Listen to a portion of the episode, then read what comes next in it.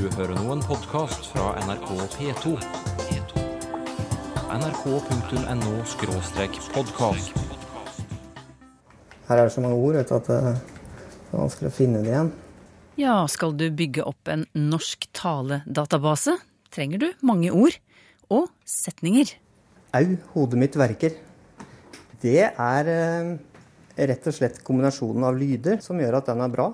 Og så er det noen særnorske forhold å ta hensyn til. Og Skal vi ha et uh, talegjenkjenningssystem som fungerer, så må det kunne håndtere i hvert fall en rimelig grad av uh, dialektvariasjon. Et system som kan gjenkjenne norsk tale, ja. Det kan du lage når taledatabasen er ferdig.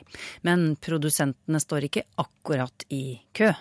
Fordi at det er mer lukrative og attraktive språk å utvikle for. Du, hvilken dag er det i dag, Sylfest Lomheim?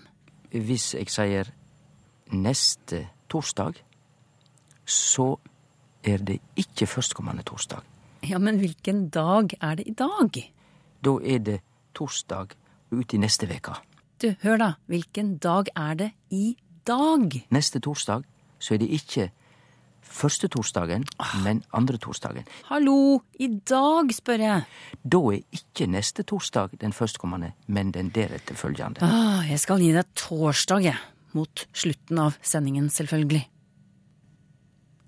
Ikke alle kan bruke hendene når de skal skrive en e-post. Create new email. Andreas. Hello from mom. Mouse click. Dette er Mosken Berg, som du møtte i Språkteigen i forrige uke. Av en muskelsykdom kan hun ikke betjene PC-en sin med tastatur, men må bruke tale. Det er bare det at hun må snakke engelsk til maskinen. Det er mange som ikke, som ikke vil ha mot til å prøve en gang, tror jeg. Fordi de ikke føler seg fortrolig med det. da. For ennå finnes det ikke et godt norsk talegjenkjenningssystem som takler dagligtale, slik at du uten problemer kan diktere e-poster, betale regninger i nettbanken, lese norske nettaviser osv. Det blir mindre tilgjengelig. Men ting skjer. Nasjonalbibliotekets språkbank er i ferd med å etablere en omfattende samling innlest norsk tale.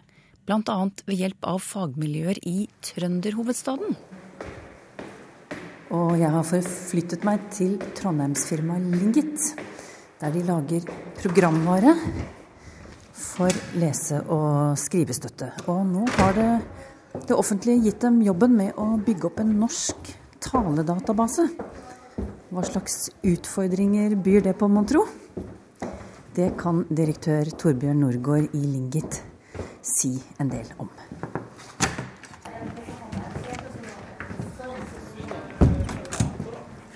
Ja, egentlig så byr det på uh, nokså mange. Uh, den ene er jo at stemmer til uh, personer er jo ulike. Vi har jo kvinner som har andre akustiske karakteristikker i sin stemme enn menn. Og uh, forskjell mellom barn og voksne. Og så er det også forskjell internt mellom kjønnene. Min stemme som en mann, den er helt sikkert forskjellig fra den neste mann som, som skal intervjues her, og den forrige osv. Og, så og det, er en, det er en utfordring. Videre så er det jo i, i Norge en veldig anerkjent at vi, at vi, både kan bruke dialekter, og kanskje til og med bør bruke dialekter. Altså det finnes ikke en allment akseptert talenorm for norsk som, som alle nordmenn naturlig går over til i ulike formelle kontekster. Det, sånn er det i veldig mange andre land.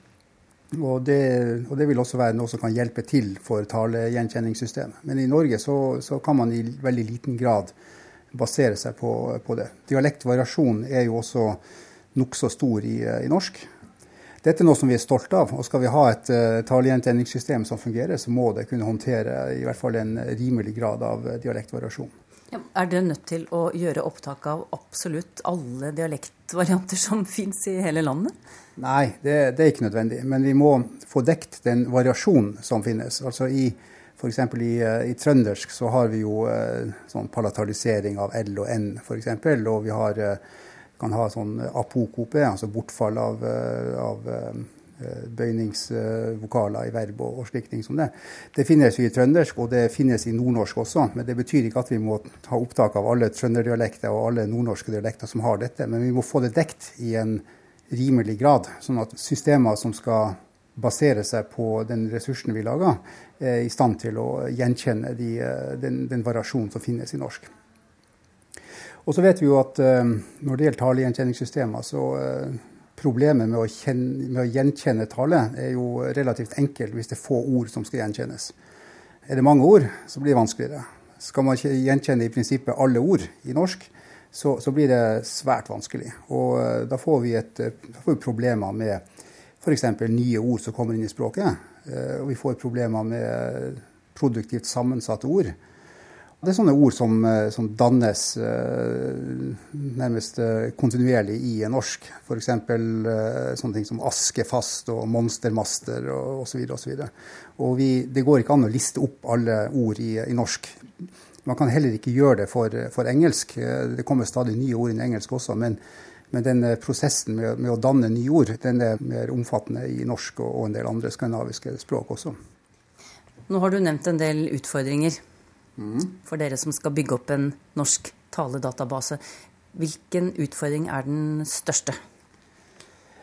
Den største er nok å få, eh, sånn som, sånn som vi har, har grep, grepet dette an, det er å få den dialektvariasjonen på, eh, få kontroll på den. Det, det, er nok det som er, er det, er det vanskeligste for oss. For det første så må vi få dekt inn den variasjonen som eh, vi vet finnes i norsk. Og så må vi finne tilstrekkelig med variasjon av, uh, av den. F.eks. vi nevnte i stedet med palataliserte lyder. I hvilke omgivelser er det de, eh, de opptrer? Hvor mange eksempler trenger vi på den typen språklyd sammenlignet med andre? Uh, altså Vi må ha en viss balanse i alle, alle lydene som skal representeres. Og vi har ikke ubegrensa tid til rådighet, og, et, og, det, og, det, er ikke praktisk å ha for store treningsdata for systemer som skal, skal lages. Dere har nettopp begynt eh, dette arbeidet med å bygge opp en taledatabase. Hva er det dere holder på med akkurat nå? Nå holder vi på med å eh, utarbeide manuskripter for eh, innleserne. Vi skal ha ca. 240 personer som skal lese inn setninger fra manuskripter som vi lager. Og de manuskriptene de må være utforma på en sånn måte at de dekker den variasjonen som vi har i, i talt norsk sitt system, på en best mulig måte slik at vi, har, eh, vi får dekt så mye som mulig med færrest mulig setninger. Og denne utfordringen, å lage så brukbare manuskripter som mulig, den jobbes det med på nabokontoret. Altså mapping fra f.eks. bokmål til dialekt. Andre dialekter. Ja. Skal vi kikke på hva det var vi landa på der? Her er det så mange ord vet du, at det er vanskelig å finne det igjen. Et uttaleleksikon på 700 000 ord, og minst 20 000 av dem skal med i taledatabasen. Jammen bra at Dyre Mehn og Jørn Almberg har dataverktøy å hjelpe seg med. Skjermen foran systemutvikler Mehn er full av ord og tegn som han og fonetiker Almberg setter sammen til nyttige setninger. Her har vi en kort en. Au, hodet mitt verker. Hvorfor er det en bra setning? Eh, det er eh, rett og slett kombinasjonen av lyder som gjør at den er bra. Vi ønsker et tilstrekkelig antall av, eh, av lydkombinasjoner. Da. En ting som, som, helt sikkert gjør at den setninga der er attraktiv for vårt formål, det er, det er den diftongen som du har først, altså au. Vi har jo gjort noen prosjekt tidligere der vi har samla setninger også for å, for å, få en god representasjon av norske lydoverganger. Og da har jo Trond Fausa Aurvåg, skuespilleren som mange kjenner, eh, vært overrepresentert til så stor grad at innleserne faktisk ble lei av å lese navnet hans etter hvert. Så at det ble litt sukk og stønn som måtte redigeres bort etter hvert. Som det navnet stadig kom, kom tilbake. her, her, har du funnet fram noe. Hva er det for noe? Ja, her, i, her har vi eh, sekvensen hui og hast. Og det her er også et eksempel på en, en diftong som er veldig sjelden. da, Ui. Eh, vi finner den vel omtrent bare i, i akkurat den, eh, den, frasen der. Så da, da, får vi valgt ut setninger som inneholder den. Så hui må med? Det, den må med. Det er jo mye detaljarbeid i starten her, da. For det her materialet skal jo brukes videre. Folk skal lese inn disse setningene, og så skal vi jo analysere lydmaterialet etterpå og markere inn hvor de forskjellige lydene er. Og da er det viktig at vi har gjort en god jobb, sånn at vi kan bruke eh, automatiske algoritmer da, eh, som hjelper. Forklare algoritme. Ja, Det er rett og slett eh, et dataprogram som, som eh, automatisk finner ut hvor lydene er hen i tid eh, i lydopptakene. Og, Hva betyr det? Hvor de er hen i tid? Ja, Når en spesifikk lyd starter og slutter. Hvorfor er det viktig? Det er viktig fordi det inngår i leveransen til Nasjonalbiblioteket at vi skal markere inn hvor hver lyd starter og slutter. Det er noe som er viktig for de som skal bruke det her materialet senere. Og en av dem som får glede av taledatabasen senere, er forsker ved NTNU i Trondheim. Torbjørn Svendsen ved Institutt for elektronikk og telekommunikasjon har arbeidet med talegjenkjenning i over 30 år, og er blant landets fremste på dette fagfeltet. Jeg tror jeg må nesten starte med å fortelle litt om hvordan talegjenkjenning fungerer. For det, det er liksom grunnlaget for det her. Når vi leser inn tale som maskiner skal gjenkjenne, så tar maskinen og deler opp det talesignalet i bitte små snutter. 10 millisekunder, 20 millisekunder eller sånt. Og hver for hver av de så beregner systemet sannsynligheten for at den er laga av de forskjellige språklydene våre, altså fonema. Og Så går det her videre oppover. Da bruker vi et uttaleleksikon som forteller oss hvordan ord er sammensatt av fonem, og en språkmodell som forteller oss hvordan setninga er sammensatt av ord. Men hele grunnlaget, basisen i det, er hvordan lydene er modellert i datamaskiner. Og For å få til det, så må vi ha en best mulig database, en best mulig kunnskap om lydproduksjon på norsk.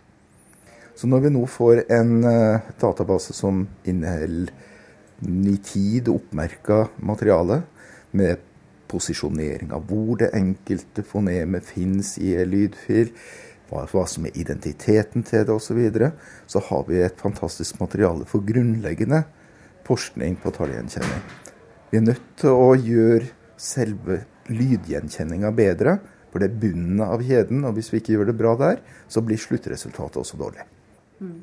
Så dette er mer snakk om å etablere et slags fundament, en slags grunnmur, da, som noen andre må bygge videre på?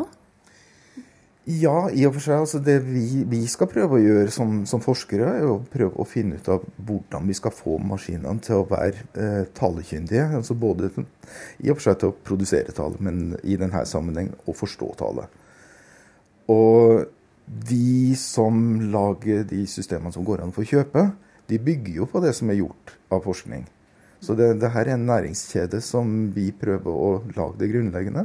Og så tar eh, de som lager kommersielle systemer, det beste ut av det og tilpasser det og gjør det enda bedre, sånn at de som bruker, skal få et godt produkt. Mm. Men et av svarene jeg har fått når jeg spør hvorfor fins ikke et uh, system allerede i dag som, ja, hvor du kan snakke norsk til PC-en din f.eks., og den skriver en e-post for deg på norsk. Og da får jeg til svar at dette her er ikke kommersielt interessant, for norsk er et sånn et bitte lite språk. Men, men, det vil jo fremdeles være et bitte lite språk, selv om dere lager veldig fin grunnmur som produsentene kan bygge på. Hvorfor skulle dette kunne realiseres? Uh, altså, vi, vi, må se dette i, i en sammenheng. For det vil redusere kostnadsnivået betydelig at det eksisterer en grunnmur av språkdata. Jeg tror ikke det er noen av de, de store selskapene, altså enten det nå er altså Microsoft og Apple har jo ting til sine operativsystem, og så er det noen kommersielle uh, utviklere som uh, Nuance. Um, de har etter hvert fått en veldig god erfaring i å tilpasse teknologien til nye språk. Sånn at de kostnadene blir mindre og mindre. Men de er nødt til å kunne være sikre på at det her kommer til å fungere relativt bra likevel. Fordi selv om man har fått ned kostnaden, så uh, er det fortsatt en betydelig kostnad med det. Altså norsk, Å lage et system for norsk er minst like dyrt som å lage det på engelsk. Vi har en del kompliserende faktorer, som f.eks. sammensatte ord og dialektbruk og osv., som man ikke har på Eller i, har i mye mer beskjeden grad på andre språk. Men det vil være en kombinasjon her. Altså, jo mer vi har tilgjengelig, kan gjøre tilgjengelig, og også har ekspertise nasjonalt som kan bistå de store, så øker det sjansen for at vi kan få systemer på norsk. Og det kan jo også tenkes at det er norske selskap eller skandinaviske selskap som vil prøve seg på å utvikle ting på det skandinaviske markedet. Mm. Men det finnes jo allerede taledatabaser hos eh, den nasjonale språkbanken.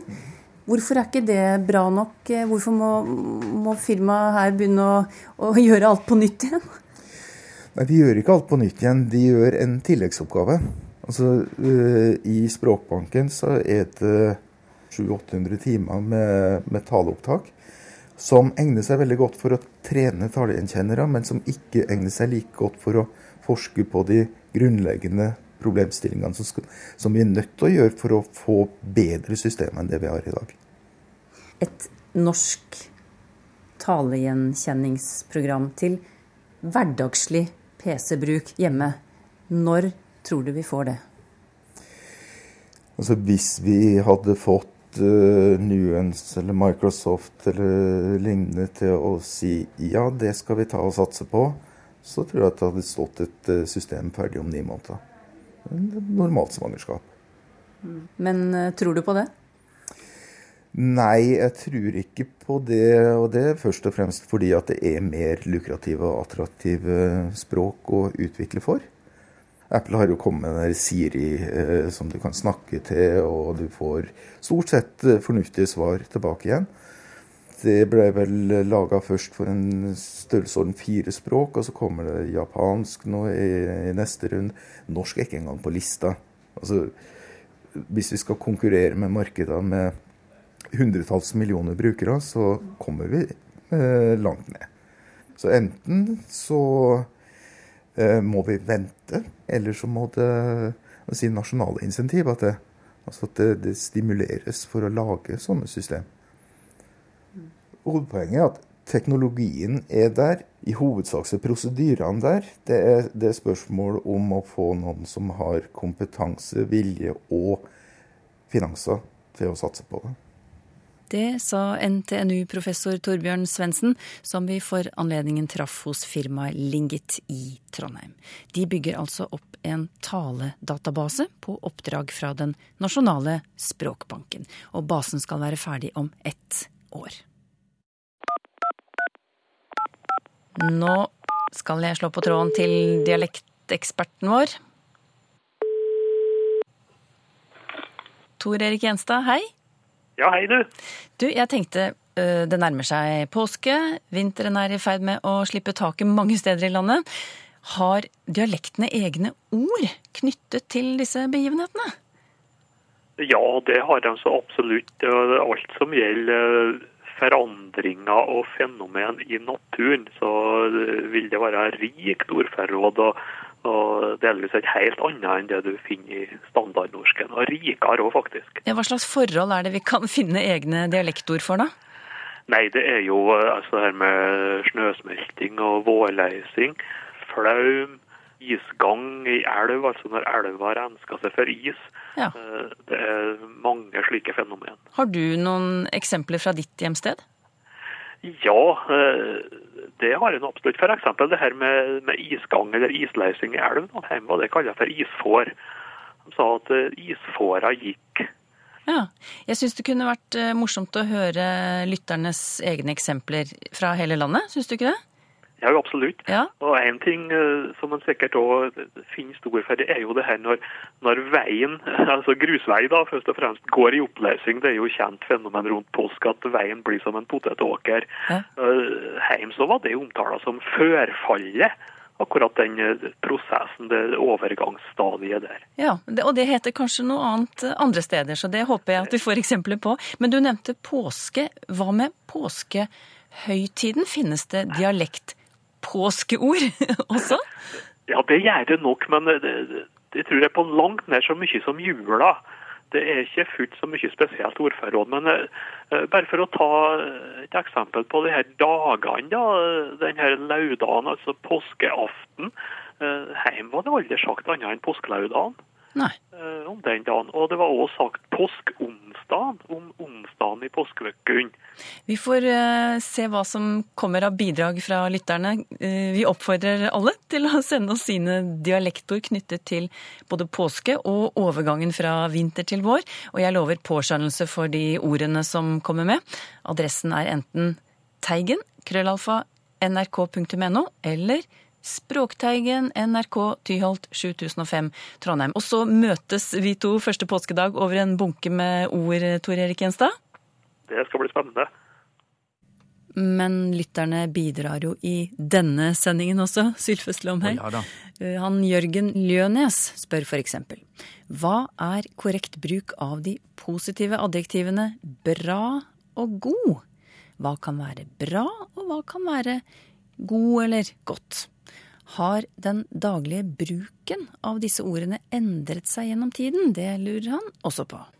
Ja, det er det jeg også har mistanke om, eh, at dette har endra seg eh, den siste tida, fordi jeg som en litt eldre mann, jeg legger jo den meininga i god at god egentlig er bedre enn bra. Bra er sånn bare passelig. Men jeg har merka at nå, blant yngre språkbrukere, og la oss si i østlandsområdet, et bra system, da er det veldig godt. Kanskje til og med bedre enn det som er godt. Så um, her er det tydelig en, en språkutvikling i bruken av bra og god som er såkalla på gang. Men litt om orda til slutt, fordi at god er jo et veldig gammelt germansk ord. Vi har jo gut på tysk, og vi har good på engelsk. Altså prover vi da at dette er gammelt germansk. Bra er derimot lånt inn eh, fra fransk og italiensk. De seinere hundreåra så det er et yngre ord i norsk. Vi kjenner jo det italienske bravo, ikke sant? Det betyr flott og kjekt. Og på fransk har de brave, skrevet B-R-A-V-E, og det betyr tapper, flink. Så det er derifra vi har ordet bra. En henvendelse nå fra Sølvi Asla Østby. Min mann og jeg har stadig meningsutvekslinger om når neste lørdag er, eller neste høst, eller neste uke. Er det førstkommende uke, eller er det uka etter, skriver hun. Og når var forrige lørdag, eller forrige sommer? Og sist lørdag? Er det noen mulighet for at vi kan bli enige én gang for alle, slik at vi slipper misforståelser om avtaler eller gjengivelser? Da vonar vi at uh, vi kan rydde dette uh, ordvegen som diskusjonstepa. Siste lørdag og forrige lørdag er nok det samme, så da går vi beint på bruken av neste. I dag er det søndag, og hvis jeg sier neste torsdag, så er det ikke førstkommende torsdag.